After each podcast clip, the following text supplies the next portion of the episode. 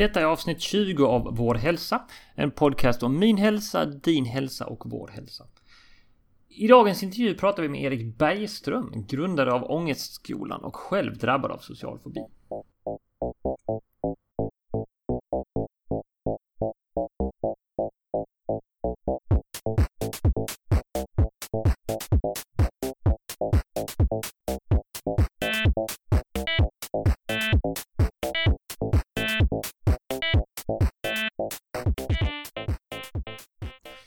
Lyssnare! Andreas här och välkommen till Vår Hälsa, en podcast om just vår hälsa. Om det är första gången ni lyssnar, så tack för att du testar något nytt och väljer mig. Den här podcasten publicerar avsnitt varje torsdag och show notes finns på vårhälsa.nu. Lägg gärna till podcasten till dina favoriter i till exempel iTunes och du kan också följa Vår Hälsa-podden på Facebook. Bara sök på Vår Hälsa och häng med där. Vi har i dagens intervju fått prata med Erik Bergström som med sina erfarenheter som grund har startat upp Ångestskolan som formligen exploderar i popularitet just nu. Då så har vi idag på Vår Hälsa-podden en intervju med en ung herre vid namn Erik Bergström som är grundare av något så fint och välbehövligt som Ångestskolan. Välkommen Erik! Tack så mycket. Så vem är Erik Bergström och vad har du för bakgrund? Eh, utåt sett så är Erik en 26-årig kille som bor i Kalmar. Som är ganska inåtvänd och lite blyg och sådär av sig men eh, väldigt energisk när han hittar rätt område och älskar att undervisa och lära sig själv mycket och ja, lära ut till andra. En kort presentation. Ja. Och eh, min bakgrund med ångest kommer inom den sociala ångesten. Då jag som liten eh, stammade väldigt mycket. Och eh, blev lite retad för det i, i skolan eh, och oroade mig jättemycket och, eh, vad andra skulle tycka om mig eh, när, när jag stammade och eh, ja, tyckte att det var lättare att, att inte säga någonting istället för att stamma då. Eh, för att inte riskera att bli retad och skrattad åt. Mm. Så eh, jag lärde mig att, att vara tyst istället och eh, höll mig mycket för mig själv och sådär. Ehm, och den ja, sociala fobin höll i sig från um, när jag var tio år. var den första minnet jag har av att jag undviker att uh, läsa högt i skolan och sånt där för att jag hade stammat då inför hela klassen. Um, och jag vill verkligen inte stå framför scen, eller på scen då och prata inför klassen och sånt där och jag kunde inte säga mitt namn eh, utan att eh, stamma. Så jag undvek alla situationer där jag ja, skulle riskera att någon, att behöva presenteras för någon. Ja. Och sådär. Så det är väl där min ångestbakgrund hamnade. Eh, och det var jag ungefär 15 år då till jag var bara för något år sedan som jag tog kontroll över det här. Ja. Vad arbetar du med idag? Är det Ångestskolan som gäller 100 procent? Eh, nej, det är det inte. Eh, Ångestskolan är bara ett eh, fritidsprojekt hittills eh, i alla fall. Eh, idag jobbar jag med event och aktiviteter. Eh, som mitt jobb då. Jag åker runt och ja, håller aktiviteter, aktiviteter eh, för företag och skolor och sådär. Ehm, och där ja, där måste jag hälsa på människor när jag kommer dit eh, och presentera mig och sådär. Så det är ett väldigt bra sätt att möta sina rädslor. Det är en bra utmaning helt klart. Verkligen. Och, eh, ja, och sen så när jag kommer hem så jobbar jag med ångestskolan så mycket som möjligt ja. på fritiden. Berätta lite grann om ångestskolan och din resa från, alltså någonstans fick du en tanke och sen skapades det. Eh, mm. Hur gick den här resan till? Eh, jag har studerat till lärare i några år här i Kalmar. Och eh, jag har alltid tyckt om att lära ut till andra och tyckt att jag är, att jag är bra på det liksom. Att eh, göra svåra ämnen lätta att förstå, brukar jag säga. Eh, och jag, jag vill jobba med min egen rädsla eh, och berätta om den här då för att andra skulle förstå eh, när jag väl ja, började berätta om min sociala fobi eh, förra året då, så såg jag det som ett eh, alltså, kreativt sätt att använda min energi på. Att börja prata om min egen sociala ångest och eh, sen även har det gått vidare till att jag undervisar om alla möjliga ångestsyndrom eh, via ja, pedagogiska videos främst på ja. Facebook och Youtube och även föreläser då om eh, min historia. Så det är det jag gör i ångestskolan. Ja. Hur lång tid tog det för dig att, vad ska man säga, bemästra din egen fobi så att säga? Eller få den under kontroll? Eh, ja, under kontroll är väl bra ord kan man väl säga. Att den är inte i vägen nu längre som den var då, men bemästra kom, jag vet inte om jag kommer göra det någon gång faktiskt. Um, men det, det gick ganska snabbt från det att jag började läsa om ja, sociala rädslor och det här och när jag väl använde teknikerna som jag lärde mig så tog det bara några månader innan jag kom väldigt långt på resan och kunde hitta nytt mod och självförtroende och så. Um, men nu har jag jobbat med det här i fyra år med mig själv ungefär mm. och har kommit väldigt lång bit på vägen men inte riktigt där än där jag vill vara. Så det är fortfarande att jobba på. Extremt eh, starkt att eh, jobba med det på det sättet du gör så pass offentligt ändå liksom. Mm. Att du, du har en social fobi som utmanar samtidigt som du gör bland det mest sociala man kan göra. Liksom att stå och prata inför folk och eh, utbilda och ha sig så att säga.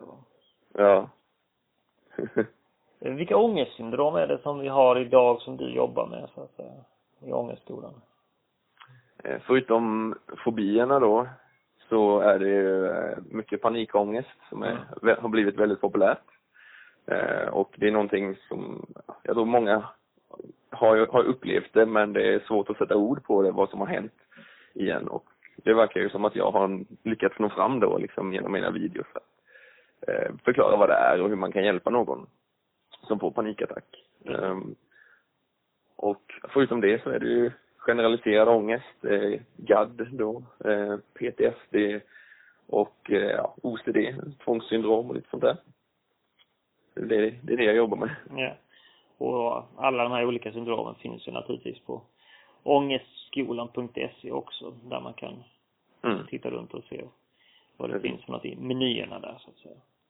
Var du mycket mobbad i skolan eller var det en, en bild av det som du, alltså nu när du tittar tillbaka på det i efterhand? Om det var liksom en bild som kanske förstärktes av din fobi så att säga. Förstår du min tanke där? Mm. Ja, jag kan inte, inte säga att jag var så mobbad egentligen. Eh, jag mobbade mest mig själv. Eh, eftersom jag, eh, när jag väl stammade så blev jag retad. Mm. Eh, sådär och sen så tog jag det vidare själv och som sagt mobbade mig själv mer än vad andra mobbade mig. Men jag blev ganska mycket utfryst eftersom, eftersom jag var så blyg och tillbakadragen då på grund av den här fobin så var jag inte så rolig att vara med så jag tillförde inte så mycket. Och eh, då var det ingen riktigt som, som ville vara med mig. Mm. Så det var på det sättet mer att eh, ingen var intresserad men ingen var direkt mot mig heller. Det är väl lite grann det här liksom för att jag själv var relativt, jag var galet mobbad. Det finns mm. ingen anledning att fin, packa in det fint egentligen meningen. Jag var galet mobbad liksom med så här kläder som slängdes i, i duschutrymmet efter gympan och hela den biten så att säga va. Men det var ju också mm. eh, konstigt nog så fick jag aldrig någon ångest där för sig på det viset som sen utvecklade sig för min egen del så att säga. Men det ironiska var att en av de som mobbade mig mycket, han stammade ju själv. Eh, ganska hårt. Eh, och jag har ju insett det i efterhand att många av dem som var överjävliga mot mig, de hade ju själv diverse utmaningar, har man insett i efterhand så att säga. Ja. Det kunde vara allt från det lilla att man inte kände att man passade in till och så blev man en del av mobbargänget till att då som en kille som stammade som kunde vara ganska överjävlig i sitt beteende så att säga. Så att det är intressant att se ändå liksom att det ändå kan, du, du hade en utmaning med stamningen och du gick inåt medan andra mm. gick utåt så att säga. Ja. Du eh, spelade mycket tv-spel har jag läst mig till. Mm. Eh, och tror du liksom att det kan vara tillflyktsort för oss som har olika typer av ångest? Att man liksom, jag kan tycka det är extremt rewarding och avslappnande att spela lite grann, även om inte det blir så jättemycket så att säga. Va? Men att det blir en typ av avslappning, man kan koppla bort hjärnan lite grann så att säga. Va? Ja. Jag får inte alls samma avslappning av att kolla på tv i egentlig mening. Utan det blir mer en aktiv avslappning om man säger så. Mm. Och tror du att det är någonting som, som hjälper oss som har olika typer av ångestutmaningar eh, så att säga? Ja, det tror jag absolut. Eh, för mig var det ju verkligen en flyktväg. Att eh, jag kunde göra någonting. Jag, jag hade roligt och, men jag ändå var själv liksom. Ehm, och ja, det, det var en sorts räddning för mig tror jag. Att jag hade någonting att fokusera på istället för att ta, ta tag i alla de här jobbiga tankarna. Så blev det en, någonting som höll mig upptagen. Och vad jag har förstått så är det väldigt många som känner igen sig i det också. Att det blir ett sätt att ja, vara med sig själv. Det, man lär känna sig själv och liksom jag, i min situation så när jag var rätt hårt mobbad så jag hade ju datorn, det var ju innan tv-spelen kom, så gammal jag. Eh, Jag hade ju Mm. datorn eller eh, mina Transformers-gubbar som, Mm. som jag lekte med så att säga. Så att det var alltid det här liksom någon typ av fantasivärld som var räddningen så att säga va. Ja. Men jag förstod det som att du eh, har inte ätit någon medicin eller någonting liknande.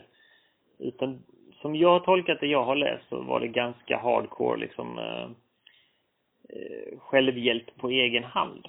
Och sen Mm. alltså, utsätta dig för det. Liksom helt enkelt eh, hemmasnickrad KBT-terapi tänker jag. Ja. Jo, det var det, var det verkligen. Ja. Jag har alltid eh, tyckt eller tänkt att eh, det är bara sån, sån jag är. Det är inget fel på mig liksom så att någon kan, som någon kan lösa. Eh, jag kommer alltid vara på det här sättet. Så jag har inte tänkt på att gå till någon psykolog och prata om det. Eh, och därför har jag inte heller någon tagit tag i det och gett mig medicin, vilket jag säkerligen hade fått om jag hade sökt terapi. Utan jag eh, nådde, nådde grunden, eller avgrunden för ja, ja, de här fyra år sedan då, som jag började. Då eh, jag inte ens kunde bjuda in mina närmsta vänner till en födelsedagsfest för jag var så rädd för att de skulle säga nej och på det sättet skulle de se ner på mig, var det i mitt huvud då, Mm. att, att jag var värdelös och så här att eh, när jag inte ens kunde göra det, då fick jag nog. Då bara bröt jag ihop och där någonstans så väcktes en, eh, en ångest i att jag vill verkligen inte leva på det här sättet längre. Och då tog jag tag i det genom att läsa massor med böcker om ja, psykologi och räd, rädslor och sånt här. Mm. Vilket har lett till där jag är idag. Jag kände någonting liknande. Jag gick till olika psykologer och terapeuter. Jag hade ju eh, galopperande panikångest kan man säga. Ehm, Mm. Så att jag hade ju, en- jag var inne fyra gånger på ett par veckor liksom och gjorde EKG. Så här, åkte in sent på kvällen och lite sådana här saker. Och det kom ju också någon sån här, alltså jag hamnade väl i ett mörker där jag liksom trodde att okej, det här kommer aldrig att lösa sig så att säga. Va? Och det tog ett tag för min del att komma till en, som jag tycker är oerhört härlig och uppfräschande åsikt. Liksom att det är inget fel på mig, det är så här jag är. Liksom. Mm. Och jag tror det är en extremt viktig tanke att ha. Därför att det gör processen att få kontroll över de här känslorna så mycket lättare Mm. så att säga. Va? För att det, det här samhället idag är ganska snabba att diagnos, diagnostisera oss som rätt och fel och så vidare så att säga. Va? Och får man he- hela tiden höra liksom som när man har panikångest så kan man ju få höra, ja, men skärp dig nu, är det inte så allvarligt och allting sånt här. Mm. Från människor som liksom bara tycker att det är någonting man ska skaka av sig. Och själv vill man inget heller än skaka det av sig, men det går liksom inte. Nej. Eh, för att det är så djupt knutet i ens system liksom va.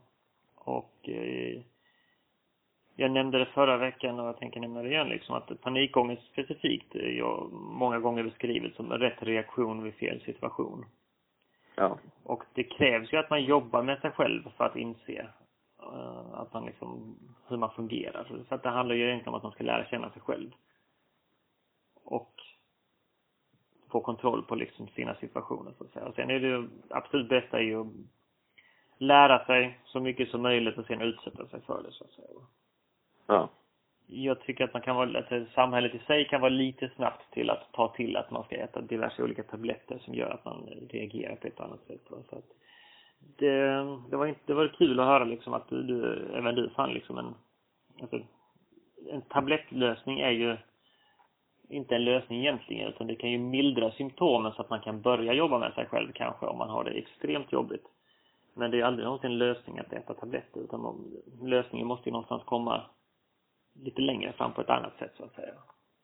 Ja, verkligen. Jag upplevde det som att panikångesten var betydligt mer lätthanterlig när jag eh, började få koll på sockerkonsumtionen och eh, när jag har koll på den och äter bra rent allmänt, inte äter processat och mm. det har ju gjort liksom att jag har ju gått in i någon typ av clean eating mer eller mindre liksom där jag försöker äta så rent som möjligt. Och jag har sett att det finns diverse undersökningar eh, inte jättemånga, men det finns ändå forskning som stödjer liksom att sockret kan påverka hjärnan i den bemärkelsen att om man har ångest så är det lättare att få ett anfall för att kroppen är liksom igång av sockret och så vidare. Mm. Vad är dina erfarenheter av att ha läst och pratat med folk om kostens betydelse för, för din ångest men även ångest och fobier i allmänhet? Jag tror att kosten har en väldigt stor del i det både från vad jag har läst och eh, vad jag har upplevt själv. När jag väl tog tag i mina egna problem så var en, en del av min egen terapi att också äta mycket bättre. Eh, och som du sa, eh, ta hand om sin kost ordentligt och inte få äta massa så här processerad mat. Och det var nog en stor del till att jag mådde så mycket bättre tror jag.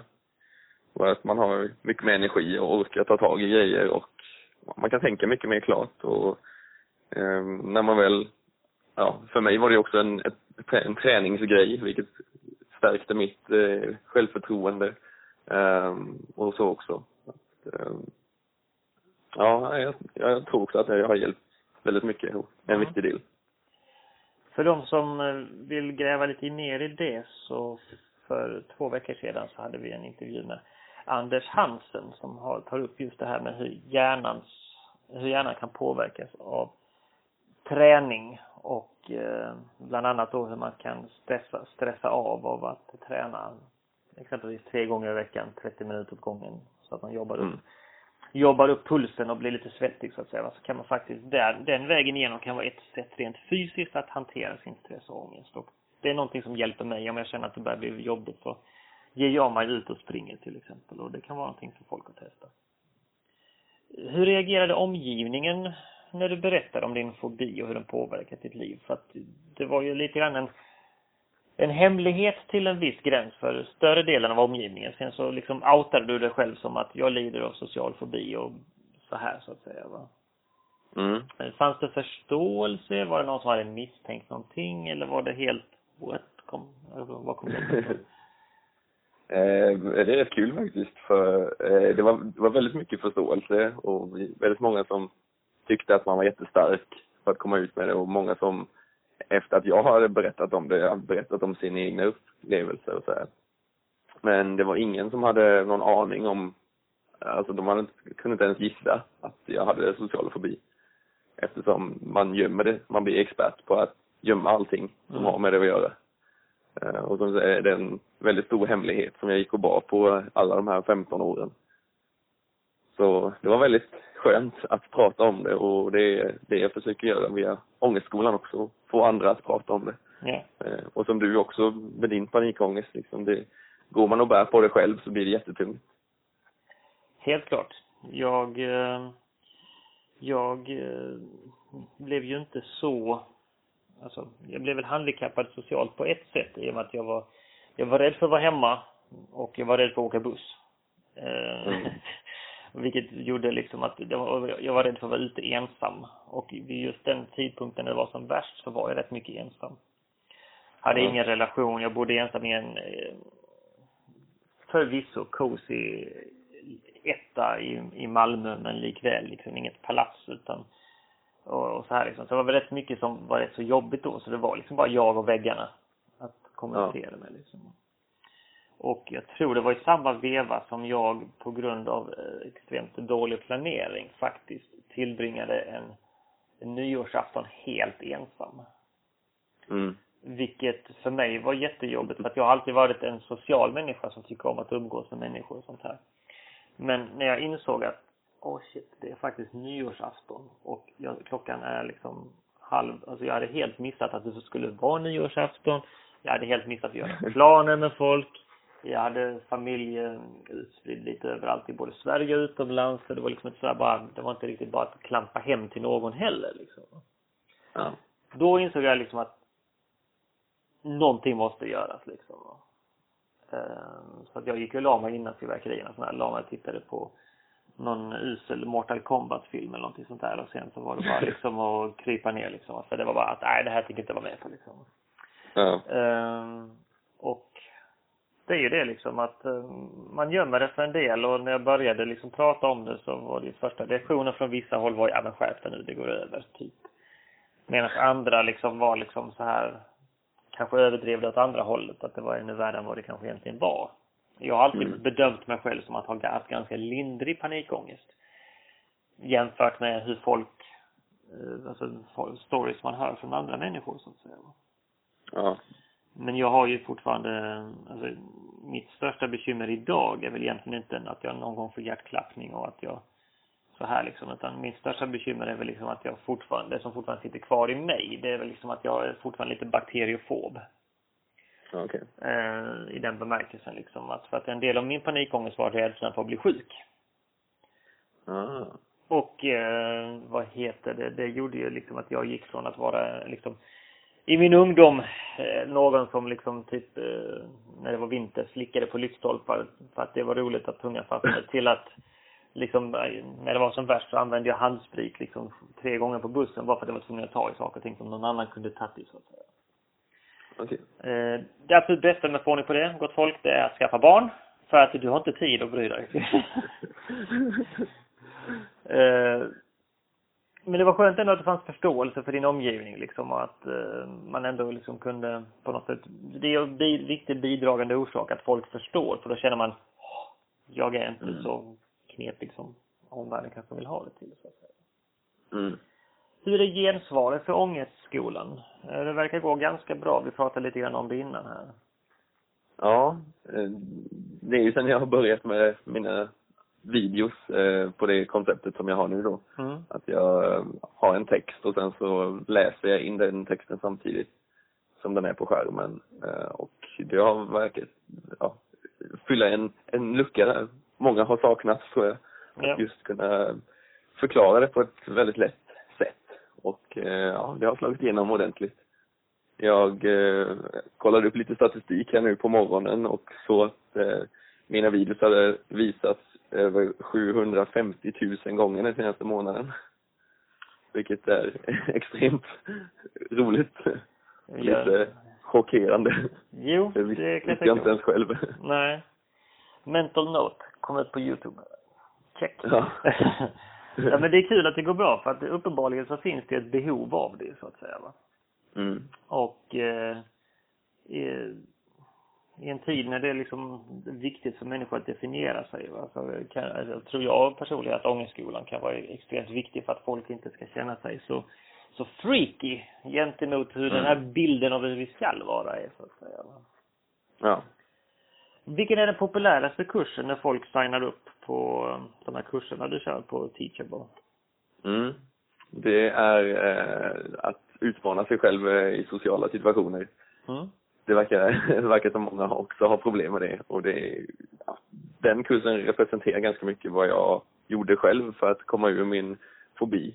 Att eh, göra en, liksom en, en trappa med det lättaste steget utanför din komfortzon upp till det svåraste och sen tar man de här stegen för att träna sig då. Mm. För att börja att kolla någon i ögonen bara när man går förbi. Det är många som undviker ögonkontakt med människor. Det gjorde jag absolut när det var som värst. Och bara börja där till att fråga folk eh, om tjänster på stan och ge high fives till random personer och sånt där. Så det, det är väl den vanligaste, Ja. som många uppskattar. Vad bjuder framtiden på nu framöver då? När det börjar? Har du Mm. någonting på gång eller du avvaktar lite grann och ser vad som händer under hösten här? Eh, jag ska köra för fullt, tänkte jag, med föreläsningar. Mm. Det är väl det jag vill satsa mest på nu i höst. Eh, då går jag på Ångestskolan helt också, nu under hösten eh, och vintern här, så det blir väldigt spännande att se. Ehm, så det, ja, det är väl det mest, främst. Det låter som... eh, Jag tror det här kan bli riktigt bra. Jag tror att det finns ett stort intresse där ute och föreläsningarna som du gör, vem är det främst som har hört av sig om det? Det är, hittills har det varit mycket universitetslinjer. Eh, Jag har ju läst till lärare själv. Så jag har föreläst för eh, lärarstudenter och pratar om dels min egen historia och eh, samt hur man kan jobba med elever i skolan som är väldigt socialt rädda och så. Eh, Men även vara ute på skolor och vissa företag som, ja, där det är relevant. Mm. Prata lite om scenskräck också. Det är ju eh, en av de rädslorna som jag hade och sen så blir det väldigt häftigt när man är i situationen och berättar om den. Att man står, man står på scenen och gör det som man eh, eh, var så himla rädd för då. Så det är mycket sånt också. det? Det känns som att du har hittat din grej. Jag tror det här kan bli riktigt, riktigt jättebra faktiskt. Ja, eh, väldigt roligt just nu. Ja. Erik, jag tackar dig så jättemycket för att du tog dig tid. Tack själv för att jag fick vara med. Eh, Lycka till med Ångestskolan och för de som känner att de vill veta mer om Erik och vad Erik kan hjälpa till med så ska ni kolla in eh, angestskolan.se blir det då, eller Ångestskolan på Facebook. Mm. Så kan ni få fantastiskt mycket hjälp här. Än en gång Erik, tack så jättemycket. Det var allt för Vår Hälsa-podden den här gången. Jag hoppas ni tyckte om dagens avsnitt och att vi hörs igen. Ha nu en riktigt bra dag och glöm inte, bättre hälsa börjar med ett beslut. Ditt.